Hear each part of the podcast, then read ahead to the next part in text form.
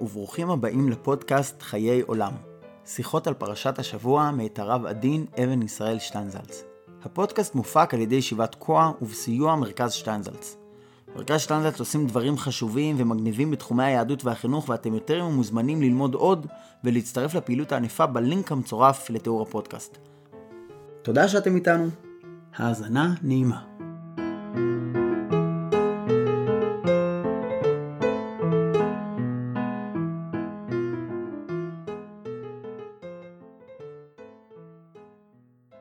פרשת קורח פרשת קורח עוסקת במחלוקת. כמה מימוני המצוות אפילו סופרים בפרשתנו מצוות לא תעשה מיוחדת, והיא איסור מחלוקת, כפי שמופיע בפסוק, ולא יהיה כקורח וכעדתו. ישנן כמה שאלות לגבי מחלוקת קורח ועדתו, ועל אחת מהן ברצוני לעמוד. אין זו הפעם הראשונה שחולקים על משה. הציקו לו כבר כמה פעמים, התלוננו עליו, התקוטטו איתו, אפילו ניסו לזרוק עליו אבנים. אבל המקרה הזה שונה. המרד פה הוא של אנשים מכובדים, קורח, דתן ואבירם, ועוד קבוצת צדיקים, ראשי ישראל, חמישים ומאתיים נשיאי עדה. כל בעלי המחלוקת הם אינטליגנטים, וכמעט שאין אלימות. הדבר הכי קיצוני שקורה, הוא שמשה קורא להם לבוא והם לא באים. ולמרות כל זאת, באופן מוזר, התגובה של משה היא הרבה יותר חריפה מאשר במקרים אחרים. במחלוקות האחרות, משה לפעמים נופל על פניו, לפעמים מתחנן על ישראל, ופעם אחת הוא אפילו מקלל. אבל כאן התגובה שלו היא מאוד קשה, ולא רגילה.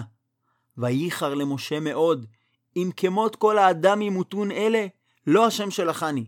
ואם בריאה יברא השם, ופצתה האדמה את פיה וכולי וכולי. משה רוצה שהאדמה תבלע אותם, וזה לא דבר של מה בכך, סתם עונש. הוא רוצה שהשם יברא בריאה מיוחדת רק לצורך הזה. גם למרגלים לכאורה הגיע שהאדמה תבלע אותם, אבל הם מתים במגפה פשוטה. ישנם עוד אנשים, גדולים וקטנים, שדנים אותם להרג או לחנק, אבל שהאדמה תבלע מישהו? זה דבר מוזר וחריג. שאלה זו מופיעה בספרים, ואף חוזרת ברמז בפרקי אבות. שם נאמר שאחד מעשרת הדברים שנבראו בערב שבת בין השמשות הוא פי הארץ. משה רבנו קורא לדבר מחוץ לגדר הטבע כדי שיתערב בתוך המריבה ויכריע אותה. על מה בדיוק משה כועס כל כך? מה מייחד מחלוקת זו ממחלוקות אחרות? לשאלות אלה ניתנו כמה וכמה תשובות. הטעם הבסיסי ביותר לכך הוא שיש כאן מחלוקת עם אדם קרוב. להיות במריבה או בסכסוך ולהרגיש את תחושת האיבה שיש מישהו ששונא אותי מטעם זה או מטעם אחר, זה משהו אחד. אבל כשמי שבצד השני הוא אדם שאמור להיות קרוב אליי, זה כבר דבר אחר. דוד המלך, שנתקל גם הוא במציאות כזו, מבטא את ההרגשה הזו. גם איש שלומי אשר בטחתי בו, אוכל לחמי, הגדיל עליי עקב. כך גם אצל משה. עד עכשיו, המחלוקות בכל פעם היו עם אנשים אחרים, זרים, ומשה בעצם יכול להתייחס אליהם בשוויון נפש. אבל קורח איננו אדם זר. הרי סך הכל הוא בן דודו של משה, קרוב משפחה. וכשדבר כזה בא מבפנים, הכאב הוא הרבה יותר גדול. כשלדוד יש עסק עם גוליית, זה שונה לחלוטין מכשיש לו עסק עם אבשלום או עם אחיתופל. זו הרגשה של, אז על מי אני כן יכול לסמוך? אחרי חטא העגל, כאשר משה רבנו קורא מי להשם אליי, נאספים אליו כל בני לוי, ובכללם גם קורח. הם כולם באים. בני לוי הם לא רק השבט של משה רבנו, הם גם הנאמנים שלו. כמו שיש לקיסר משמר אישי, שיש לו גם זכויות מיוחדות, כך גם הלוויים, שחלק מתפקידם הוא להיות משמר המקדש, המשמר המלכותי, בגידה המתרחשת בתוך גדוד המשמר הזה היא הרבה יותר מכאיבה ופוגעת מבגידה בכל גדוד אחר, וגם הרבה יותר קשה לסלוח עליה.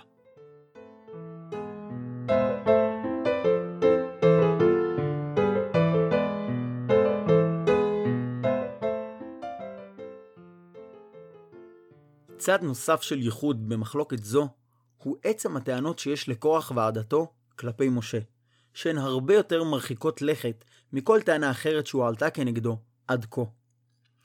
במחלוקת קורח ועדתו, התלונות הן לראשונה לא על בעיה מעשית, אלא על שאלה דתית עקרונית.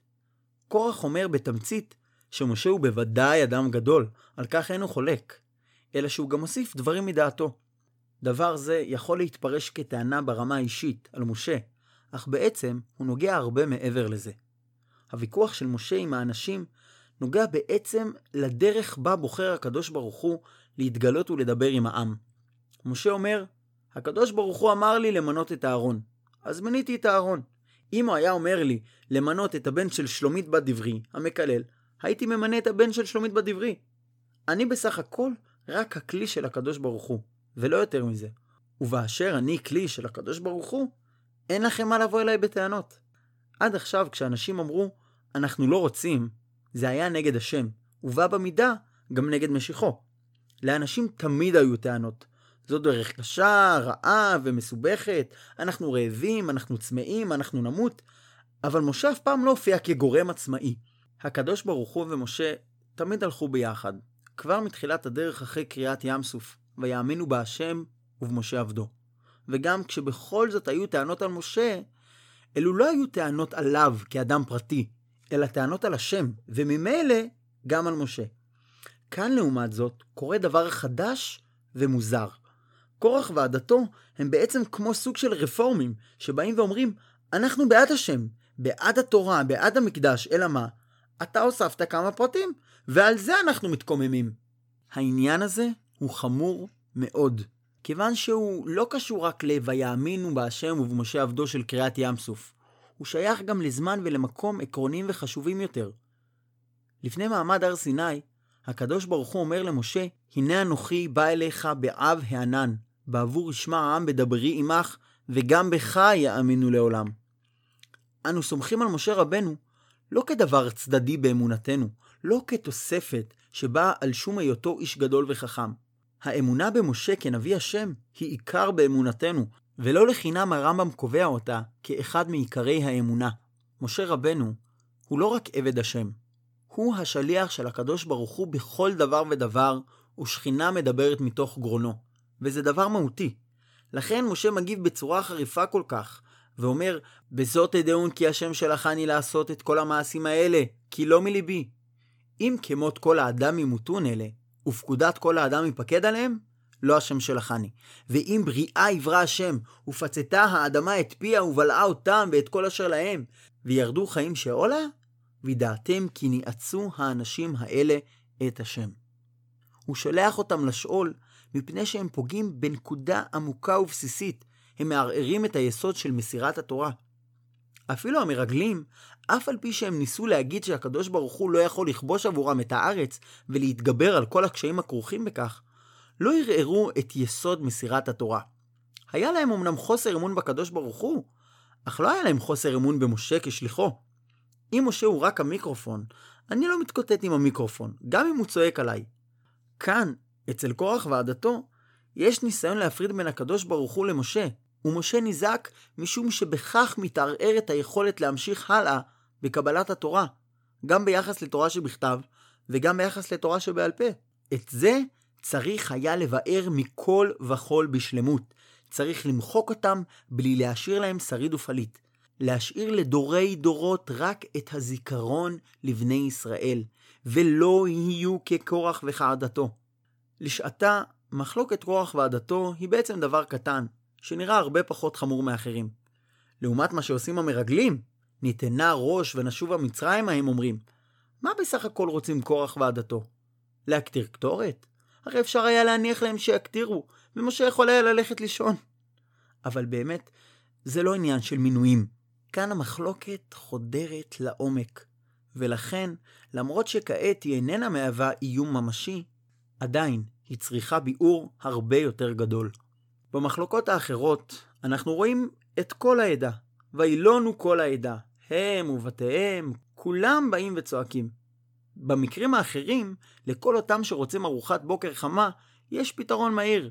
עם כל אלה שהם נמשל כבהמות נדמו, אלה שבוכים וצועקים, רוצים מן, רוצים בשר, איתם אפשר להסתדר יפה. כל אלה הם מעשה תינוקות. אבל במקרה שלנו, אלה שעושים את המהומה, דנים בסברות, בשיטות. הנימוקים והעניינים כאן הם של קבוצת אנשים נבחרים, וזה הרבה יותר מסוכן. המחלוקת הקשה והאמיתית היא עם האנשים שלא מחפשים תאוות, אלא מחפשים לשנות ולהחליף את היסודות מעיקרן. נקודה שלישית, הקשורה גם למה שכבר נאמר, היא שקורח ועדתו משתמשים במידה מסוימת מדבריו של משה רבנו בעצמו. מה אומרת הדת קורח? רב לכם, כי כל העדה כולם קדושים ובתוכם השם, ומדוע תתנשאו על קהל השם? משה רבנו, במעשה אלדד ומידד, אמר ליהושע את אותו הדבר כמעט, ומי ייתן כל עם השם נביאים, כי ייתן השם את רוחו עליהם. מה שקורח ועדתו אומרים עכשיו למשה, הוא בעצם, הרי אתה רצית אנשים שיהיו יותר מעורבים, אתה רצית נביאים. הנה, יש לך פה עוד 250 איש שכולם מתנדבים למלא תפקידים. היה לך כהן גדול אחד? אנחנו מספקים לך 250. אנחנו באים לפתוח את המסגרות. בעם ישראל יש מעמד אריסטוקרטי שמורכב מתלמידי חכמים. זוהי בעצם השכבה המושלת. המנויים, הכיבודים, הכל הולך אליהם. אבל המעמד הזה הוא לא מועדון סגור. אם אתה רוצה להשתייך למעמד הזה, לא שואלים אותך מי היה אבא שלך, ולא שואלים אותך אם יש לך מחותן, כל אחד יכול להשתייך אליו. מבחינה זו, כתר תורה באמת מונח בקרן זווית, ומי שרוצה ללמוד, יכול ללמוד. כעת באה עדת קורח ואומרת, תראה, יש אריסטוקרטיה של תורה, והיא פתוחה, שזה מאוד יפה, אבל יש מעמד אחר, מעמד הכהונה, והוא סגור. באים אנשים ואומרים, אנחנו רוצים לפתוח גם את הכהונה, כך שכל איש אשר ישאנו ליבו, יוכל להיות כהן, ואם הוא יותר חשוב, שיוכל להיות גם כהן גדול. דורות רבים לאחר מכן, אכן כך היה בישראל. לכל אורך ספר מלכים, מסופר שעוד העם מזבחים ומקטרים בבמות. כמעט לכל שיטות המפרשים, הבמות הללו הן במות להשם, בקדושה ובטהרה, ולא לעבודה זרה. יהודי שתפסה אותו רוח קדושה, קורא לכל המשפחה, וכולם הולכים למקווה, לובשים לבנים, ואב המשפחה מקריב קורבן עולה להשם. בזמן היתר הבמות זו בוודאי הייתה מצווה, ואולם בזמן המשכן והמקדש נאסרו הבמות.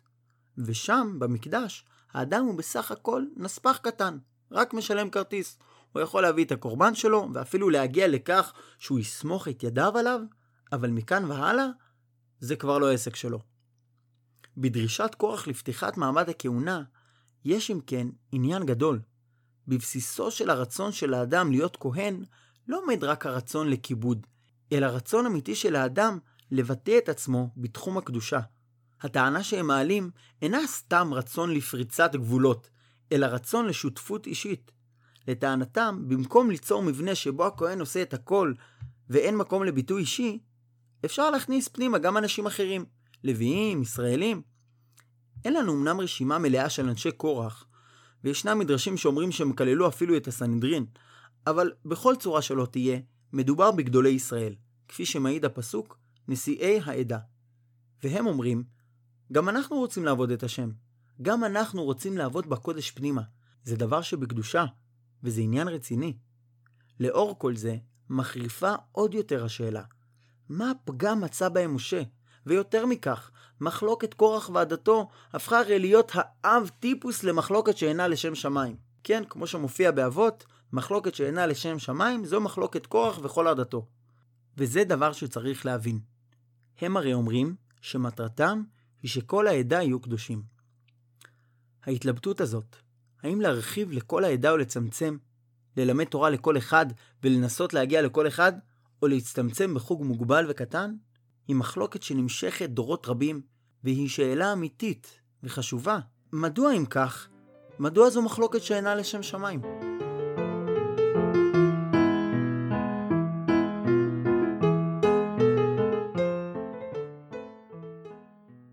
הדו-שיח בין משה לעדת קורח הוא מאוד משונה.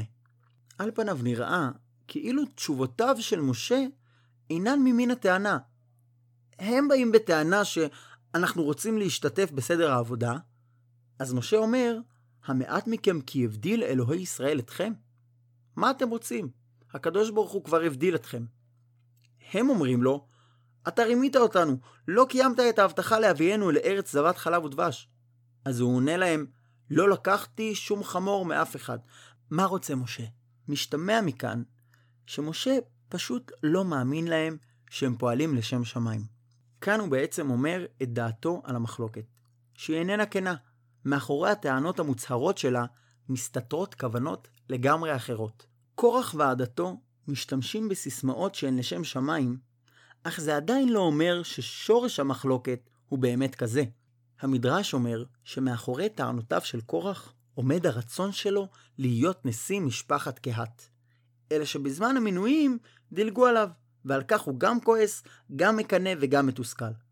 קורח פיקח היה, ועשיר היה, ומסתם גם היה גברא רבא, והוא הצליח לשכנע את כולם שהוא מדבר בעניינים שבקדושה. אלא שמתחת לאדם הגדול הזה, כפי שאומר המדרש, מסתתר בסך הכל עניין אישי. דתן ואבירם, שמעבר למסופר כאן איננו יודעים עליהם דבר, גם הם נראים כאנשים שרצו לקבל משהו ולא קיבלו אותו. הם צועקים כאילו נעשה להם עוול, בעוד שלא קרה דבר מלבד זאת שהם לא סובלים מישהו רק משום שהוא יותר גדול ויותר חכם מהם. מדובר בקנאה ובצרות עין שמסתתרות מאחורי הדיבורים היפים. אפשר ללמוד מכך הרבה על מחלוקות, שנראות על פניהן כמחלוקות לשם שמיים. אנשים יכולים להשתמש בכל סיסמאות הקדושה, אבל הרבה פעמים אין מאחוריהן אלא קטנוניות אישית. גם כשכל הסיסמאות הן לטובת המפלגה או לטובת העולם, עדיין צריך לשבת ולחפש מה נמצא שם בדיוק למטה. לפעמים נמצא שם מישהו קטן ומתוסכל שבסך הכל רצה לקבל משהו ולא קיבל. הוא מקנא במישהו ואין לו מה לעשות עם זה, אז הוא מנסה לדקור אותו באיזו דרך אחרת. אמר מישהו בדורות האחרונים שלכל שנאה יש תקנה, למעט שנאה הבאה מחמת קנאה. לשנאה הבאה מחמת קנאה לעולם לא יועילו מחוות מן הצד השני. וכמה שהוא יהיה יותר נחמד, זה לא יעזור, משום שמקורה איננו בכך שנעשה למישהו עוול. משה רבנו באומרו, לא חמור אחד מהם נשאתי ולא הריעותי אחד מהם, רוצה להדגיש שהמחלוקת לא התחילה על רקע של עוול כלשהו. אם הצקתי למישהו, אפילו בצדק, יכול להיות שהוא שומר טינה, וזה דבר מובן. אבל במחלוקת עם קורח ועדתו, לא היה שום דבר. הכל עומד פה אך ורק על קנאה. לדבר כזה אין תקנה, ולכן משה רבנו רוצה לאבד אותם מהעולם מכל וכול. צ'אבס